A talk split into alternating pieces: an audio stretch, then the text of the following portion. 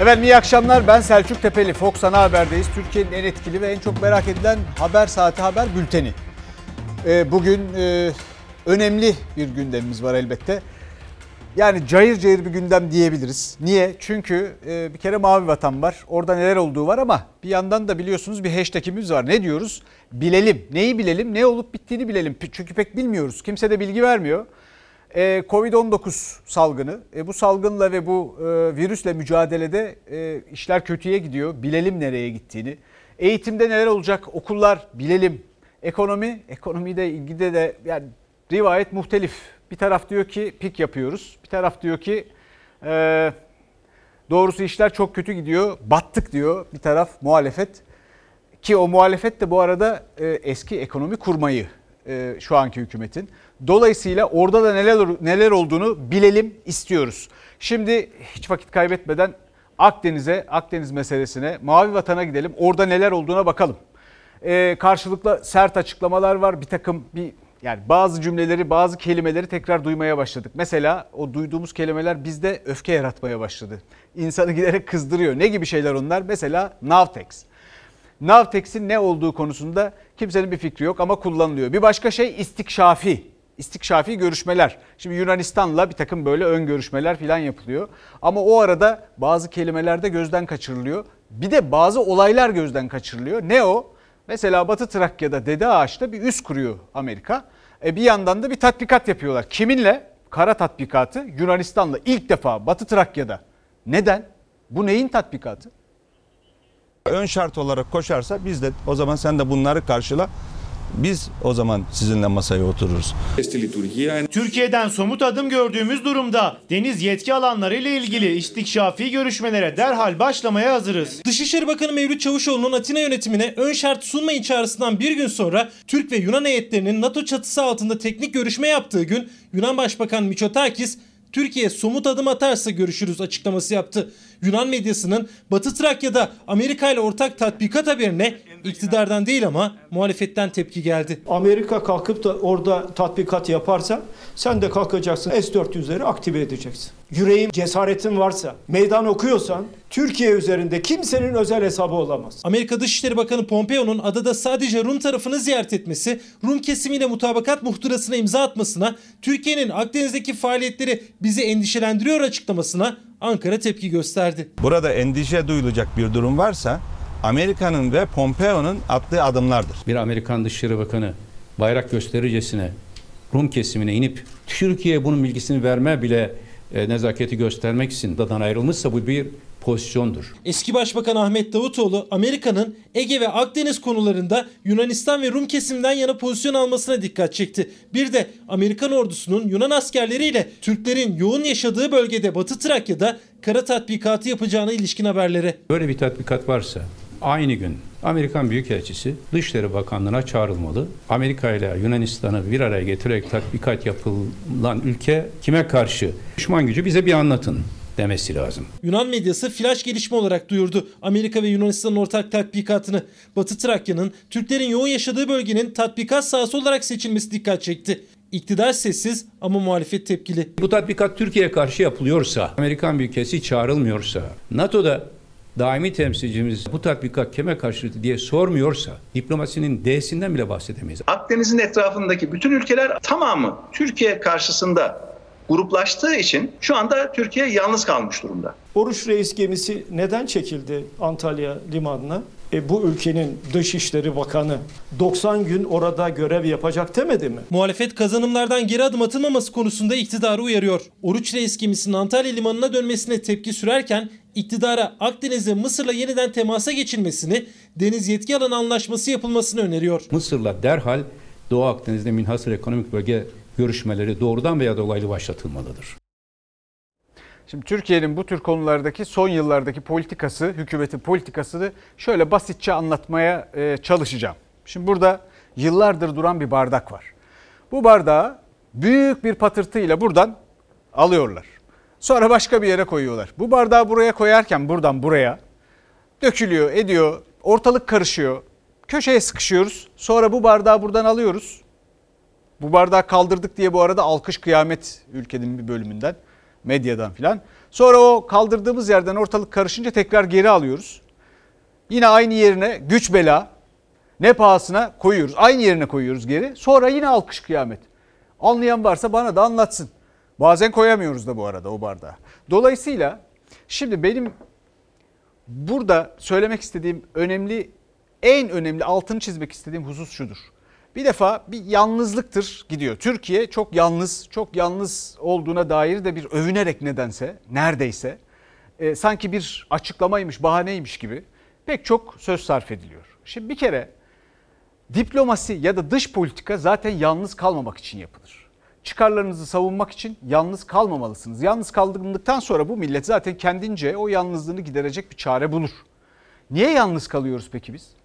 Niye yalnız kalıyoruz? Zaten hedef yani bizimle çıkarları çatışan şu anda karşı cephelerde yer aldığımız bütün bu ülkelerle e, bizim bu mücadelemiz sırasında karşı tarafın hedefi bizi yalnız bırakmak ki kendi çıkarlarını elde etsinler bizimkileri de ortadan kaldırsınlar. Ama yalnızız. Yalnızlığımızın bedelini kim ödeyecek? Yalnızlığımızın hatası kimde? Bunu bilelim değil mi? Bilmek istiyoruz. Bunun yanında da eh, şimdi bunu daha da açacağız ama arkası yarına yarına bırakıyorum. Çünkü bu diplomasi ve dış politika meselesi kimi detaylarda çok önemli bir takım sırlar içeriyor.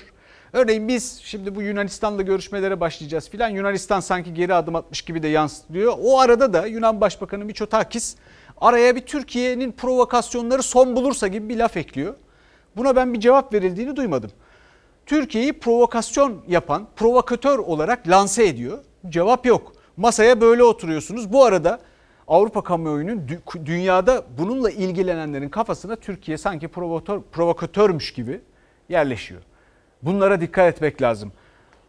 Adaların silahlandırılması. Şimdi biz dün dedik ki e, Sayın Akar, Milli Savunma Bakanı e, adalar silahlandırılmış ve bunlar anlaşmalara, uluslararası hukuka aykırı diyor.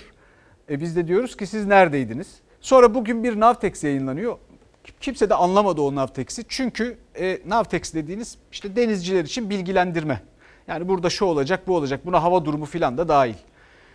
Bu arada da yayınlayan e, Deniz Hidrografi ve Oşinografi Dairesi. Söylemesi zor biliyorum. E, zaten burada devreye girmesi de e, ayrıca içinde hiçbir faaliyet yer, alma, yer almadığı için Navtex'in kendisi ilginç. Bu Navtex'i yayınlıyoruz ve diyoruz ki Lozan'a atıfta bulunarak diyoruz ki bu e, Sakız Adası işte silahlandırıldı ve uluslararası hukuka aykırı olarak silahlandırıldı. Ama bu sanki bir yerde kayda geçsin diye yani nasıl anlatayım size bir hava durumu sunuyorsunuz e, televizyonda, medyada, televizyonda hava durumu sunuyorsunuz ve o hava durumunda e, efendim Sakız Adası'ndaki hava durumunu yarın neler olacağını, yağmur mu yağacak, güneşli mi olacak verirken arada diyorsunuz ki ama burası e, yasalara, uluslararası hukuka aykırı olarak silahlandırıldı. Silahlandırılmış. Bunun ne alakası var ve ne faydası olacak gerçekten anlamak çok güç. Tepkimiz bu mu yani bizim? Biz fiili durum oluşturmak zorundayız. Adaları ablukaya almak da dahil. Oruç Reis'in egemen güçlerin talebi üzerine geri çekilmesi yeni bir alan açıyor iktidar kendisine. Toplumu aldatmaya yönelik bir açıklama aslında. Yunanistan'ın silahlandırdığı, asker çıkardığı Sakız Adası ile ilgili Deniz Kuvvetleri Komutanlığı'nın yayınladığı Nartex yani bilgi mesajı sonrası siyasetten açıklamalar arka arkaya geldi. Eski Tümamiral Cihat Yağcı ise adaların Yunanistan'a devir şartı ortadan kalktı diyerek Türkiye'nin elindeki yaptırım kozunu açıkladı. Boğazların Yunan ve Rum gemilerine kapatılması. Çatışma riski var diye Yunanistan söylüyorsa Türkiye Montreux Sözleşmesi'ne göre savaşa yakın hissettiği durumlarda savaşa girilmesi muhtemel devletin boğazlardan geçişi kısıtlayabilir. Savaş gemilerini zaten kısıtlayabilir. 18 ada Yunanlı komşularımız tarafından anlaşmalara aykırı bir şekilde silahlandırılmış, oraya asker konuşlandırılmış. Yıllar yılı silahlandırılırken defalarca söyledik. Yeni mi akılları başlarına geldi? Milli Savunma Bakanı Hulusi Akar'ın 18 adayı Yunanistan gayri askeri statüye rağmen silahlandırdığı açıklamasından sonra muhalefet iktidar ne yapıyor sorusunu gündeme getirdi. O eleştiriler sürerken bir günlük Navtex yayınlandı. Türkiye Sakız Adası'nın silahlandırılması Lozan Barış Antlaşması'na aykırı dedi. Sakız Adası'nın 1923 Lozan Barış Antlaşması'yla belirlenen gayri askeri statüsü ihlal edilmiştir. Bir gün Oruç Reis'i kızağa çekip ertesi gün Navtex'i ilan etmek Sakız Adası'nda Bunlar taktik adımlardır. Benzer Navtex'ler, notalar 1960'tan beri verilir. Bunlar çok sessiz sedasız, etki doğurmayan şekildeydi. Şimdi kamuoyunun da dikkatini çekiyor. Eski Tümomeral Cihat Yaycı da Navtex ilanlarının etkisi olmaz dedi ama Türkiye'nin etkili adım atması gerektiğini söyledi. Yunanistan'ın sürekli çatışma ve savaş riskinden söz etmesine de atıf yaparak son açıklama Yunanistan Cumhurbaşkanı'ndan gelmişti. Meis ziyareti sonrası savaştan söz etmişti. Barış istiyorsanız daima savaşa daha hazırlıklı olmalısınız. Yunanistan çatışma riski var diyorsa o zaman savaşa yakınız demektir. Yunanistan'ın bu söylemini biz lehimize kullanmalıyız. Yunanistan'ın ikinci gelir kaynağı Güney Kıbrıs Rum yönetiminde birinci gelir kaynağı deniz ticareti. Bize Avrupa Birliği böyle bir yaptırımı uygularsa Türkiye'nin de bir takım yaptırımları uygulaması gerekebilir. Cihat Yaycı'ya göre Montreux Boğazlar Sözleşmesi savaşa yakın hissedilen durumlarda Türkiye'ye boğazlardan geçişi kısıtlama hakkı tanıyor. Yani Ankara Yunanistan ve Rum kesimine ait ticaret ve savaş gemilerinin boğazdan geçişini kısıtlayabilir. İyi Parti ise adaların silahlandırılmasına karşı askeri önlem alınmalı diyor. Türkiye'nin yapması gereken tek şey gayri askeri adaların etrafında bir askeri abluka uygulamaktır. Şimdi e, Ege'de yaklaşık 7 bin ada var. Bu 7 bin ada içinde sadece 300 kadarı yerleşime açık. 400 kadarı kayalık filan ve Türkiye'nin bunların envanterini çıkartması lazım. Bunların kimliğini sahiplenmesi ve vermesi de lazım. Bunlarla ilgili mücadele etmesi lazım. Şimdi bu ada sayısı ile ilgili acaba yetkililerin ne kadar çalışması vardı, ne kadar haberi vardı? Ya da siz kendinize sorun hiç duydunuz mu mesela? Cevabı da kendiniz verin. Bilelim varsa bunu gerçekten merak ediyorum. Çünkü bir yandan istikşafiydi, Navtex'ti bir takım şifrelenmiş ifadelerle dış politikayı anlatıyorlar sözde ama pek de bir şey bilemiyoruz bunun neticesinde. Koronavirüsüyle mücadelede işler iyiye gitmiyor.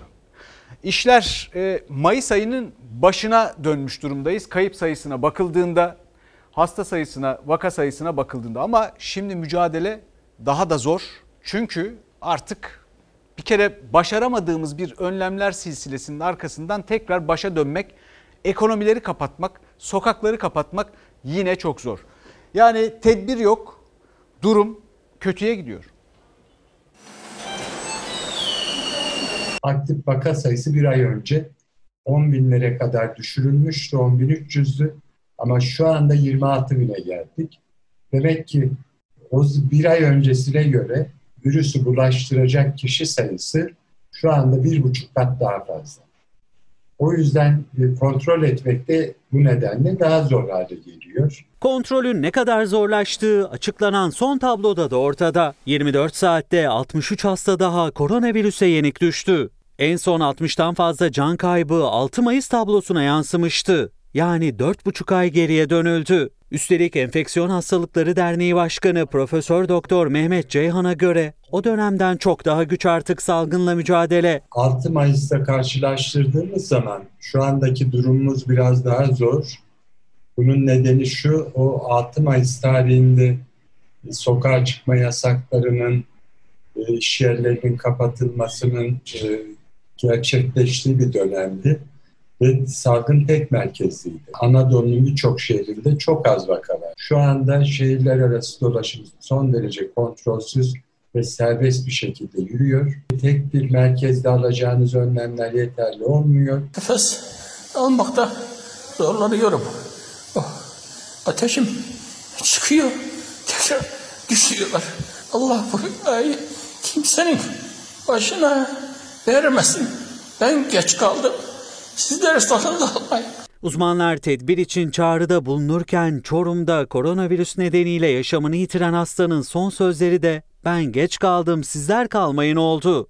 62 yaşındaki emekli Yaşar Ünal'la birlikte salgının başından bu yana hayatını kaybedenlerin sayısı 7119'a yükseldi. Günden güne artan ağır hasta sayısı ise 1301. En çok dikkat çeken de iyileşenlerin sayısı. 1225 hasta iyileşti son 24 saatte. Oysa salgının bu denli şiddetli seyrettiği 6 Mayıs'ta iyileşenlerin sayısı 4917 idi. Bu sayının bir aydır günlük vaka sayısının altında seyretmesi iki sonuca yol açıyor. Bir tanesi hastanelerin ve yoğun bakımların yükü giderek artıyor. Diğeri de toplumda virüsü bulaştırma potansiyeli olan kişi sayısı artıyor. hastalığın bulaşma hızında tespit edilmiş bir yavaşlama yok.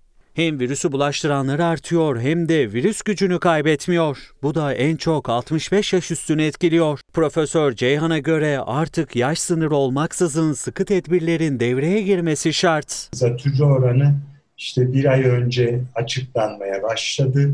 %8'lerden başladı. %7.2'ye kadar düştü. Ağır hasta sayısı 580 ilk açıklandığında. Şimdi 1300'e yaklaştı.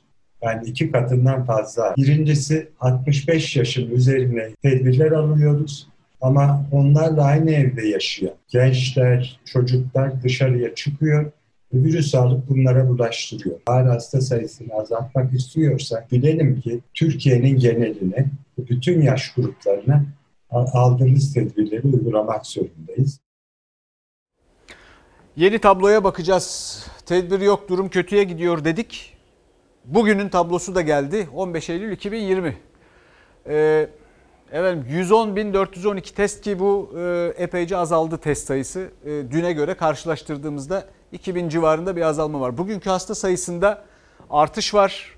1742 yeni vaka var. Bu arada bugünkü vefat sayısı da düne göre 4 artmış. Dolayısıyla e, buradaki tablo kötüye gidişi gözümüzün önüne seriyor. Tedbirlere önem verelim. Çünkü bir izleyicimiz diyor ki kontrollü sosyal hayatta kurallara uymayan her insanın onlarca insana kötülük yaptığını bilelim. Önemli bir mesaj bu. Bu arada dün bir haber verdik. Ee, Ankara'dan e, Yeşim Karacaoğlu'nun haberini izlediniz. Bir hanımefendi, bir yurttaşımız Zeynep Yıldız 59 yaşında böbrek hastası. Hastaneye gidiyor. Hastanede Covid-19 testi yapılıyor kendisine. Çıktıktan sonra e, Yeşim kıymetli arkadaşımız kendisiyle konuşuyor. Konuştuğunda e, nasıl eve döneceksin diye soruyor. Taksi için parası yok. E, otobüse bineceğim, dolmuşa bineceğim, toplu, toplu ulaşımla, toplu taşım kullanacağım diyor. E, biz de tabii bunun üzerine dedik ki insanlar test yapılıyor ve şüpheliler. Testin sonucu ortaya çıkmadan pozitif çıkma ihtimalleri var. Bu şekilde evlerine gittiklerinde o dolmuş, o otobüs, oradaki herkes bu virüse karşı risk altında. Buna karşı bir önlem yok mu? Nitekim ne oldu biliyor musunuz? Zeynep Yıldız Allah şifa versin. Pozitif yani Covid-19 hastası çıktı. Nasıl hissediyorsunuz kendinizi? Çok kötüyüm. Sonuç? Sonuç çıkmadı daha. Peki şimdi nereye gidiyorsunuz? Eve gidiyor. Neyle gideceksiniz? Otobüsle gidecek. Ama ya pozitifseniz? Bilemiyorum ne yapayım. Yapacak bir şey yok yani. Korona çıktı kızım. Gece saat dörtte çok perişan oldu. O saatte nefes alamadı kızım. Kuş gibi çırpındı. İki röportaj arasında geçen süre 24 saat bile değil. Korona testi sonrası Fox Haber'e röportaj verdikten sonra toplu taşımayla evine giden 59 yaşındaki Zeynep Yıldız'ın testi pozitif çıktı. Koronavirüs riski taşıyan kişilerin test sonrası kendi imkanlarıyla evlerine gönderilmesinin yüzlerce kişiyi nasıl riske attığı da bu örnekle kanıtlandı. Vücutumda ağrılar çok fazla. Üşüyorum. Bulantı var, yemek yedirmiyor. 59 yaşındaki diyaliz hastası Zeynep Yıldız ağrıları ve yüksek ateşi nedeniyle koronavirüs testi için hastaneye gitti. Test yaptırdıktan sonra da evine gönderildi. Hiç olmazsa ulusa bıraksınlar. Başkasına da sebep olmak hiç olmazsa. Hiç kimse yardımcı olmuyor. Böyle kendi imkanlarımızla gelip gidiyor.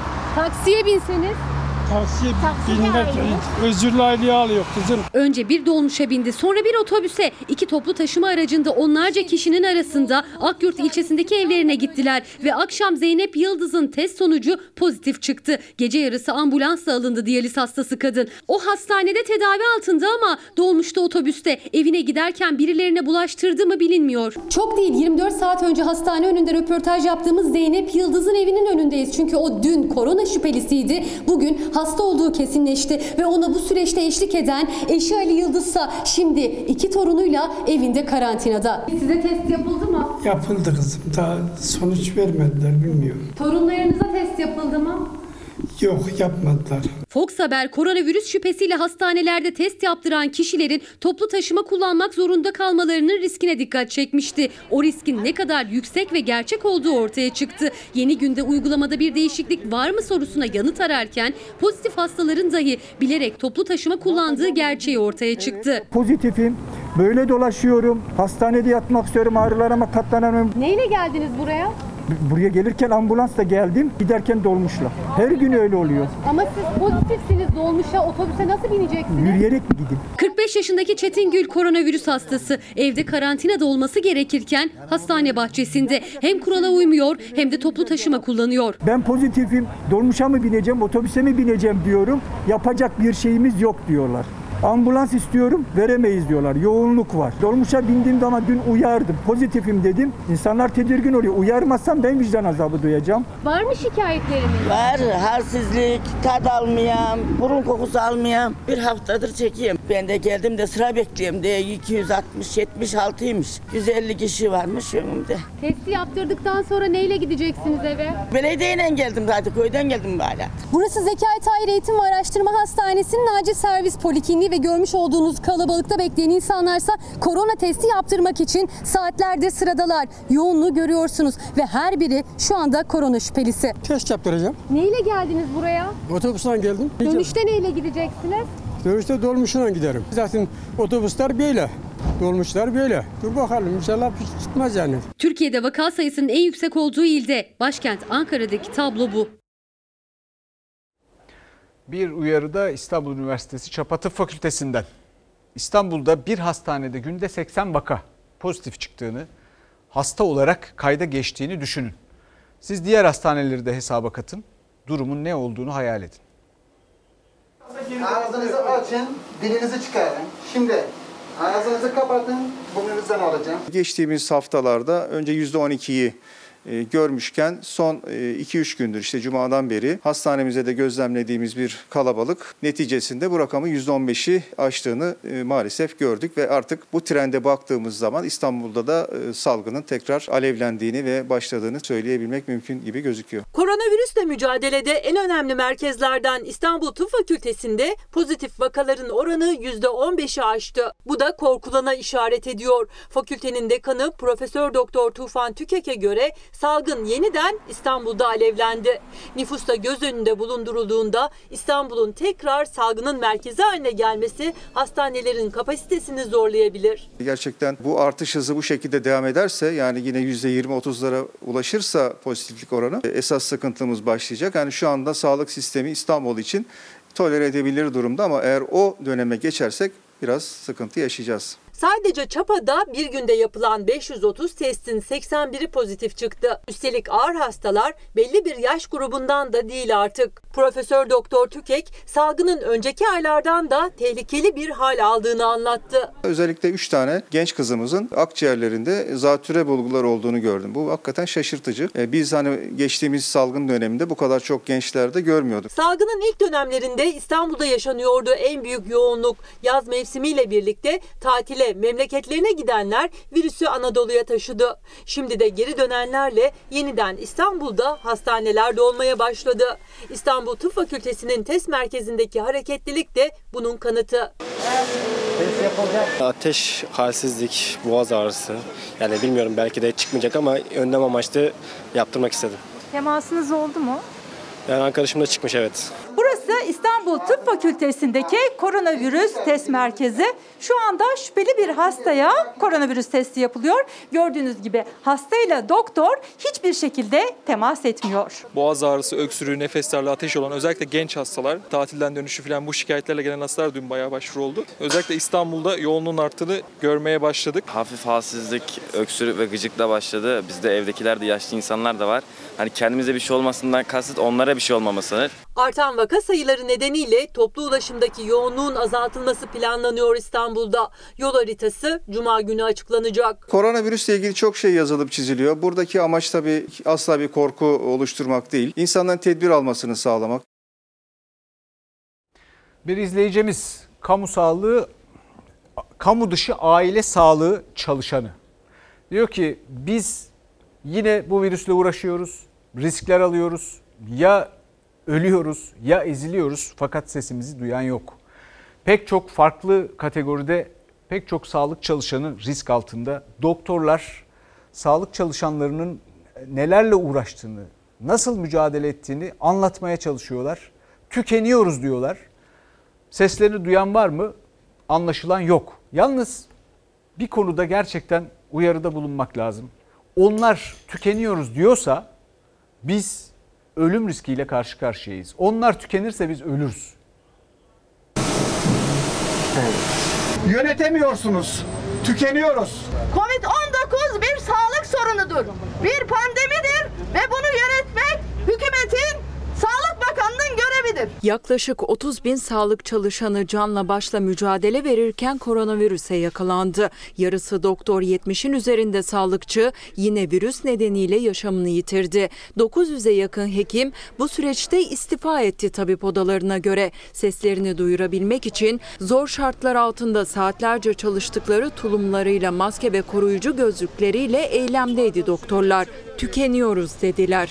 70'in üstünde sağlık çalışanı 50 civarında da hekim e, maalesef kaybetmiş bulunmaktayız. İstifa etme haberleri geliyor çünkü gerçekten e, tükenmiş durumdalar. Her gün bilgisayarımı açtığımda listeme düşen yeni vakaların sayısını bu sayının her gün her gün ne kadar kabardığını görmekteyim. Sahadaki gözlemleriyle açıklanan resmi verilerin örtüşmediğini söylüyor doktorlar. Omuzlarındaki yükün sanılandan daha fazla olduğunu her fırsatta dile getiriyorlar. Bu kez de tüm Türkiye'de yürüyüş düzenlemek istediler ama İstanbul'da polis izin vermedi. Doktorlar polisin engeline de virüsle mücadelede sadece bireysel tedbirlerin uygulanmasına da tepkiliydi. Bu sorumluluğu vatandaşa yakıp vatandaşın vicdanına teslim eden ve bunu bir asayiş sorunu olarak algılayan bir sağlık sorunu olmaktan çıkıp İçişleri Bakanlığı'nın yönettiği bir konu haline getiren zihniyete karşıyız. Sağlık Bakanlığı'na bir de verilen sözler tutulsun diye seslendi doktorlar. Özellikle de ödemelerde adalet ve koronavirüsün meslek hastalığı sayılmasını istediler. Performans sisteminin bir an önce kaldırılıp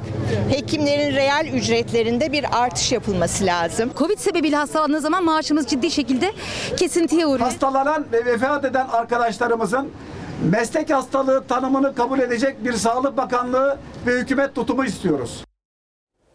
Pek çok izleyicimiz var okulların açılması ile ilgili soru soran. Dün de zaten bugün buna değineceğimizi söylemiştik.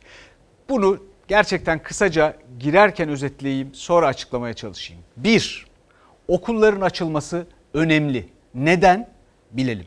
İki, okulların açılması önemli ama okulların açılması için çocuklarımızın da güvende olacağını bilmemiz lazım. Peki neden okullar hazır değil? İşte o da iki. Uzaktan eğitim özellikle küçük yaş gruplarında yüz yüze eğitimin yerini tutması mümkün değil. Okullar açılsın mı? Okullar gerekli ve yeterli önlemler alınarak açılmalı. Çok net Şu anda olarak bunu gerekli ve yeterli önlemler alındı mı? Alınmadığını görüyoruz. Uzmanlara göre eğitim mutlaka yüz yüze olmalı ama tüm tedbirlerin alınması şartıyla. Çünkü öğrenciler uzaktan eğitimde geçirdikleri süreyi kaybetmiyor sadece. Geleceklerinden de çalınıyor. Devletin üzerine düşeni hızla yapmasını bekliyor eğitimciler. Bu süreçte yeterli hazırlığın olmadığını maalesef gördük. 6 milyon çocuğun bizim ülkemizde bırakın nitelikli bir şekilde eğitime ulaşmayı, erişmeyi hiçbir şekilde erişemedik. Bir çocuğu bile kaybetme lüksümüz yok. Öğretmen çocuğu tanıyacak önce. Parmak kasları ne kadar gelişmiş. Öğretmen çocuğa dokunmadan ilkokul öğrencisine adım attırmak oldukça zor. Uzaktan eğitimin sonuçları ağır. Özellikle küçük öğrenciler eğitimden kopuyor. Bunun da uzmanlara göre telafisi zor. Çünkü okulda öğrenilenler derslerle sınırlı değil. Beslenme, uyku alışkanlığı gibi temel eğitimden de uzak kalıyor öğrenciler. Bu da ömür boyu etkiliyor. Günde bir saat yayınlanan bir programa çocuk katılıp kendi kendine öğrenmek zorundaysa eğer müthiş bir öğrenme kaybı yaşayacaklar. Düzenli beslenme, uyku alışkanlıkları değişecek. Bazı okullar 8. ve 12. sınıflar için yüz yüze eğitime başladı. Her okul kendince bazı önlemler alıyor. Sosyal mesafe ayarlanıyor. Her sınıfa mutlaka dezenfektan bırakılıyor ama uzmanlara göre tüm öğrenciler okula döndüğünde sağlıklı bir yüz yüze eğitim için alınması gereken önlemler bunlardan çok daha fazla. Tüm eğitim emekçisi arkadaşlarımıza düzenli ve ücretsiz test yapılacak mı? Öğretmenlere test, evden servise, servisten okula, sınıflarda, bahçelerde tüm tedbirlerin alınması şart.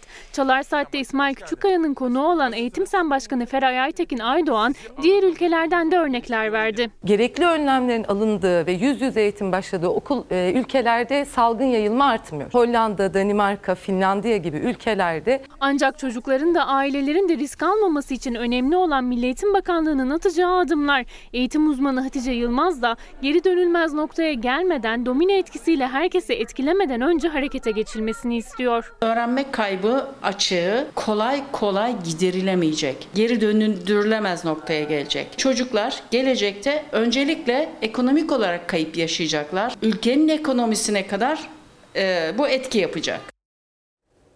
Türkiye bu meseleyi çözer. Türkiye okullarını vaktinde hazırlardı. Niye hazırlanamadı? Çünkü ihmal edildi. Çünkü önemsenmedi. Çünkü eğitimin ne kadar önemli olduğu sadece çocuklar açısından değil hayatın normale dönmesi açısından da düşünülmedi. Çok ertelendi. Hazırlıksız yakalandık. Şimdi açmaya çalışıyoruz. Bakalım ne olacak? Bu arada bu politikaları uygularken bir de şöyle bir hata yapılıyor. Dış politikadaki aynı orada diplomaside olduğu gibi. Biz bu meseleye tedavi açısından bakıyoruz. Bir salgını tedaviyle değil tedbirle önleyebiliriz. Tedavi ettiğinizde altyapınız tamam fakat salgını önlemeye yetmez. Tedbir içinde okulları da hazırlamak gerekir. Başka her şeyi de. Bir yandan da eleştiriler var gördünüz siz de. Asayiş meselesi olarak bakıyoruz. Oysa bu bir sağlık meselesi. Doğru. Okullarla ilgili ne yapılması lazım? Bir defa eğitimi uçakta bir kaza anında ilk atılacak ilk atılacak paket ya da ilk atılacak şeymiş gibi görmememiz lazım. Çünkü eğitim bu çocukların pek çok uluslararası yayında şu anda birinci konu bu. Bu çocukların yaşam süresini bile etkilediği söyleniyor. Neden? Çünkü aşılama ve okulda öğrendikleri, kurdukları iletişim, sağlıkla ilgili aldıkları bilgiler ve hayata bakış açıları, o hayatın içinde bulundukları yer ve alışkanlıklar okulda belli oluyor. Okulda tespit ediliyor, okulda yerleştiriliyor. Dolayısıyla okullaşma ve aşılama insan ömrünü iki katına çıkarttı son 100 yılda. Şimdi bundan mahrum kalacaklar. Gelirleri azalacak. Bu çocukların ne kadar bulaştırdığına, bulaştırmadığına dair araştırma yok Türkiye'de. Çünkü araştırma için izin verilmiyor. Yurt dışında var ve orada farklı fikirler var. Bu tartışılsın istiyorum. Dolayısıyla bunu gündemde tutmaya devam etmeye çalışıyorum. Yaptığım şey bu.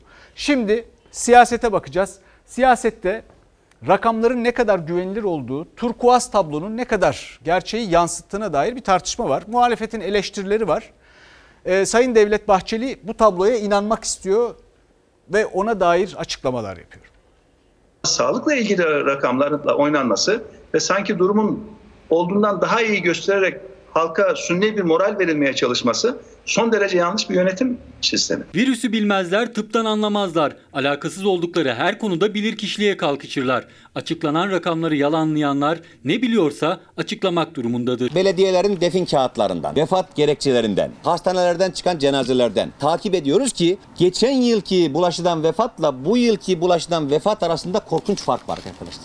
6000 gibi bir fark var. Sayın Bahçeli'ye de göndereceğim inşallah ben. Muhalefetin korona rakamları gerçekleri yansıtmıyor eleştirilerine MHP lideri Bahçeli tepki gösterdi. İktidara Sağlık Bakanı'nın açıkladığı turkuaz tabloya destek çıktı. Muhalefet ise MHP lideri üzerinden açıklanan rakamları bir kez daha sorguladı. Bir istatistiki gizlemeyle karşı karşıya olduğumuzu düşünüyoruz. Ülkemizde koronavirüse karşı olağanüstü bir mücadele sergilenmektedir. Bu yılın gerçeği inkar edip vatandaşlarımızın aklını karıştırmak, güvensizliği kamçılamak, şüpheleri kabartmak utanmazlığın daniskasıdır. Vatandaşlarımızın yarıdan fazlası artık güvenmiyor. Artık bu bir süreç yönetiminden çok hükümet açısından algı yönetimi haline geldi. Şimdi bütün memleket kıpkırmızı, yoğun risk altında olduğumuza dair uyarı işaretleri memleketin istisna olan hiçbir yerini bırakmayacak şekilde artmış. Ama ne hikmetse rakamlar aynı. Tek bir şehirde çıkan rakamlar bütün Türkiye'deki rakamların toplamından daha fazla olabiliyor. Sağlık Bakanı Fahrettin Koca Bahçeli'ye teşekkür ederken kendisi de koronavirüs hastası olan Deva Partisi Genel Başkanı Ali Babacan Habertürk televizyonunda Kübra Par'ın konuydu ve bakanlığın rakamları yanıltıcı dedi. Babasının da koronavirüs nedeniyle yoğun bakımda olduğunu söyledi. Cumhurbaşkanı e, ekonomi için pik yaptı dedi. E, eski ekonomi kurmayı e, şimdi Deva Partisi lideri Babacan ise bunun için akıllara durgunluk verici yorumunda bulundu. Ekonomide neler oluyor, nereye gidiyor bilelim. Şu anda Türkiye ekonomide pik yapıyor. Dibe değil, tavana. Tepe noktadayız diye açıklamalar yapıyorlar. Akıllara durgunluk verici bir iş bu. Vatandaşa sorun neler çekiyor? Vatandaşımızın tam üçte biri işsiz. Cumhurbaşkanının ekonomide çizdiği iyimser tablo pik yapıyor sözüne eski ekonomi kurmayı Deva Partisi lideri Ali Babacan akıllara durgunluk veren açıklama diyerek yanıt verdi. İktidarın ekonomideki gidişatı inkar ettiğini söyledi. Hastalığı inkar var. Ekonomik sorunları Cumhurbaşkanı olmak üzere tüm yetkiler inkar ediyor. Olağanüstü bir dönemde olağanüstü tedbirler aldık. Pandemi sonrası normalleşmeyle birlikte bütçe dengemiz önceki aylardan daha iyi bir tablo çizerek Ağustos'ta 28.2 milyar TL fazla verdi. Türkiye güçlü ekonomisi ve sağlam finansal altyapısıyla dünya ekonomilerinin krizden geçtiği böyle bir dönemde yatırımlarına, projelerine devam ediyor. Palavralar değil, gerçekler üzerine oturmuş bir ekonomi program yapması gerekiyor. Hazine ve Maliye Bakanı Berat Albayrak bütçe dengesi fazla verdi diyerek ekonomide gidişatı övdü. Deva Partisi lideri Babacan ise Cumhurbaşkanı ve ekonomi yönetiminin başarısız olduğunu savundu. Kredi Derecelendirme Kuruluşu Moody's'in Türkiye'nin kredi notunu düşürmesi de gündemindeydi. Merkez Bankası rezervde. Gerçekten büyük emekler harcamıştık kredi notunu yatırım yapılabilir seviyeye çıkartmak için. Kalkmışlar bizim şimdi puanımızı tekrar düşürme yoluna gidiyor. Ne yaparsanız yapın. Sizin bu puanlamalarınız kıymeti harbiyesi yok. Türkiye'nin şu anda acil dövize ihtiyacı var. Merkez Bankası para basıyor şu anda ve karşılığında döviz olmadığı için de her bastığı Türk lirasının değerinin düşmesine sebep oluyor. Ülkemiz toplamda 90 milyar dolara yaklaşan rezerviyle gayet iyi durumdadır. Bir yılda 100 milyar dolar rezervini yakan, kibriti çalıp yakan Merkez Bankası var, bir hükümet var. IMF'den gelecek öyle 9-10 milyarla falan bu ekonominin düzelmesi. Babacan'ın ekonomi eleştirilerine ne Cumhurbaşkanı'ndan yanıt geldi şu ana kadar ne de Hazine Bakanı'ndan. Şimdi gelelim müteahhit cuntası haberimize. Ee, Cengiz İnşaat ve sahibi Mehmet Cengiz'i tanıyorsunuz. Daha evvel e, millet için söylediği şeylerle herkesin akıllarında. Şimdi gözünü ormana dikti. Ee, nerede? Kaz Dağları'nda bir bakır madeni var. Onu geliştirmek, genişletmek istiyorlar. Fakat geliştirirken, genişletirken e, ortadan kalkacak ağaç sayısı dudak uçuklatacak.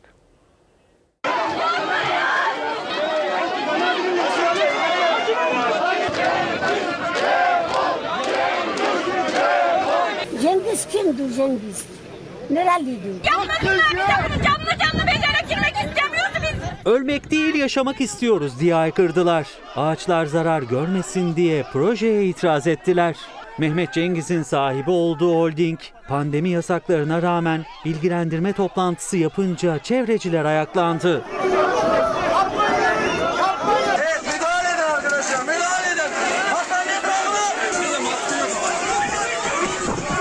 Kaz Dağları'nda Cengiz Holding'e ait bakır madeni kapasite artırmak için çet süreci başlattı. Valilik izniyle halkla katılım toplantısı yapılması için tarih verildi. Çevreciler hem projeye karşı çıktı hem de pandemi döneminde yasak olmasına rağmen toplantıya onay verilmesine tepki gösterdi. Alamos Gold şirketi 350 bin ağaç kesmişti. 6130 dönümde. Halil Ağabakır Madeni ise 51.660 dönüm içerisinde kesilmesi planlanan 3 ila 3,5 milyon arasında olacak. Cengiz Holding Kastaların Cengiz. Cengiz kimdir Cengiz? Nerelidir? Bir eğlence yerimiz burayı bizim. Bunu da alıyor elimizden. Allah'tan korkun yerler mi? Çevreciler toplantının iptali için hem valiliğe hem de bakanlığa dilekçe verdiler. Daha önceki protesto gösterilerinde pandemi gerekçe gösterilerek kendilerine kesilen 500 bin liralık cezaları hatırlatan çevrecilere yanıt bile verilmedi. Pandemi koşullarında bu kadar insan. Ben de Covid varsa şu anda maskemde açık. Sana bulaşsa ne yapacaksın? Yani önlerimiz ertelenmesi. Toplantı günü gelince bölge halkı Cengiz Holding ve bakanlık yetkilileriyle buluştu. CHP milletvekillerinin de destek verdiği çevreciler toplantının başlamasına itiraz etti. Karşılıklı konuşmalardan sonra ortam bir anda gerildi. Arbede yaşandı.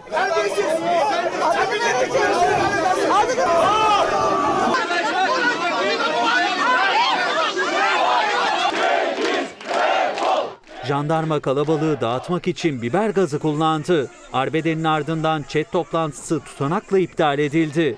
Tutanağa halkın yoğun itirazı nedeniyle halkı bilgilendirme ve çet toplantısı yapılamamış, hiçbir bilgilendirme olmamış, toplantı gerçekleştirilememiştir yazıldı.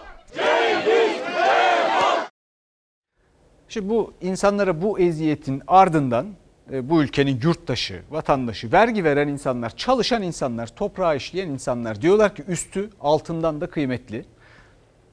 Buna karşı şöyle şeyler söylenecektir. Duyacaksınız siz. İşte milli servet bu ülkeye katma değer filan.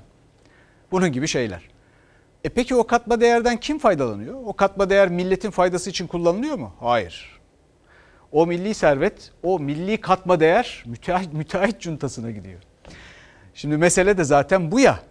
Bakın ben sadece iktidar partisinde değil, Türk siyasetinin de arka planında, Türk ekonomisinin de içinde bir tümör olarak büyüyen ki o büyüdükçe de biz nedense bakıyoruz ve ev satışları arttı falan deniyor. O tümör büyüyor oysa kilo alıyoruz iyiye gidiyoruz gibi geliyor. İşte bu ve benzeri müteahhit cuntası üyeleri var. Türk ekonomisinin bunlarla bir yere varmasına da imkan yok. Tek tek ele alınması lazım ve bu ekonominin gerçekten sağlıklı bir hale kavuşması için bir dengeye oturtulması gerekir. Ve onların da iyi denetlenip bu ülkeye gerçekten katma değer yaratması önemlidir. Şimdi biz Kaz Dağları'ndan Kemerburgaz'a gideceğiz. Yine bir müteahhit cuntası haberi. Bu sefer dere yatağına bir inşaat. Bu inşaat için uygunluk e, raporu filan da verilmemiş. Dere yatağı orası. Sel olur denmiş. Kimse dinlemiyor elbette. Eyüp Sultan Belediyesi yaptırıyor. Kültür merkezi. E, bundan birkaç hafta önce Giresun'da biz bir afet yaşadık. Ve orada Sayın Cumhurbaşkanı dedi ki e, bu dere yataklarına ev yapılmasın. Sonra taş ocakları, kum ocakları böyle birçok şeyin de kapatılması gerektiği söylendi. Şehitlerimiz vardı. İki hafta geçti bir dere yatağına Eyüp Sultan Belediyesi yine bir inşaata başladı. Aksi raporlara rağmen.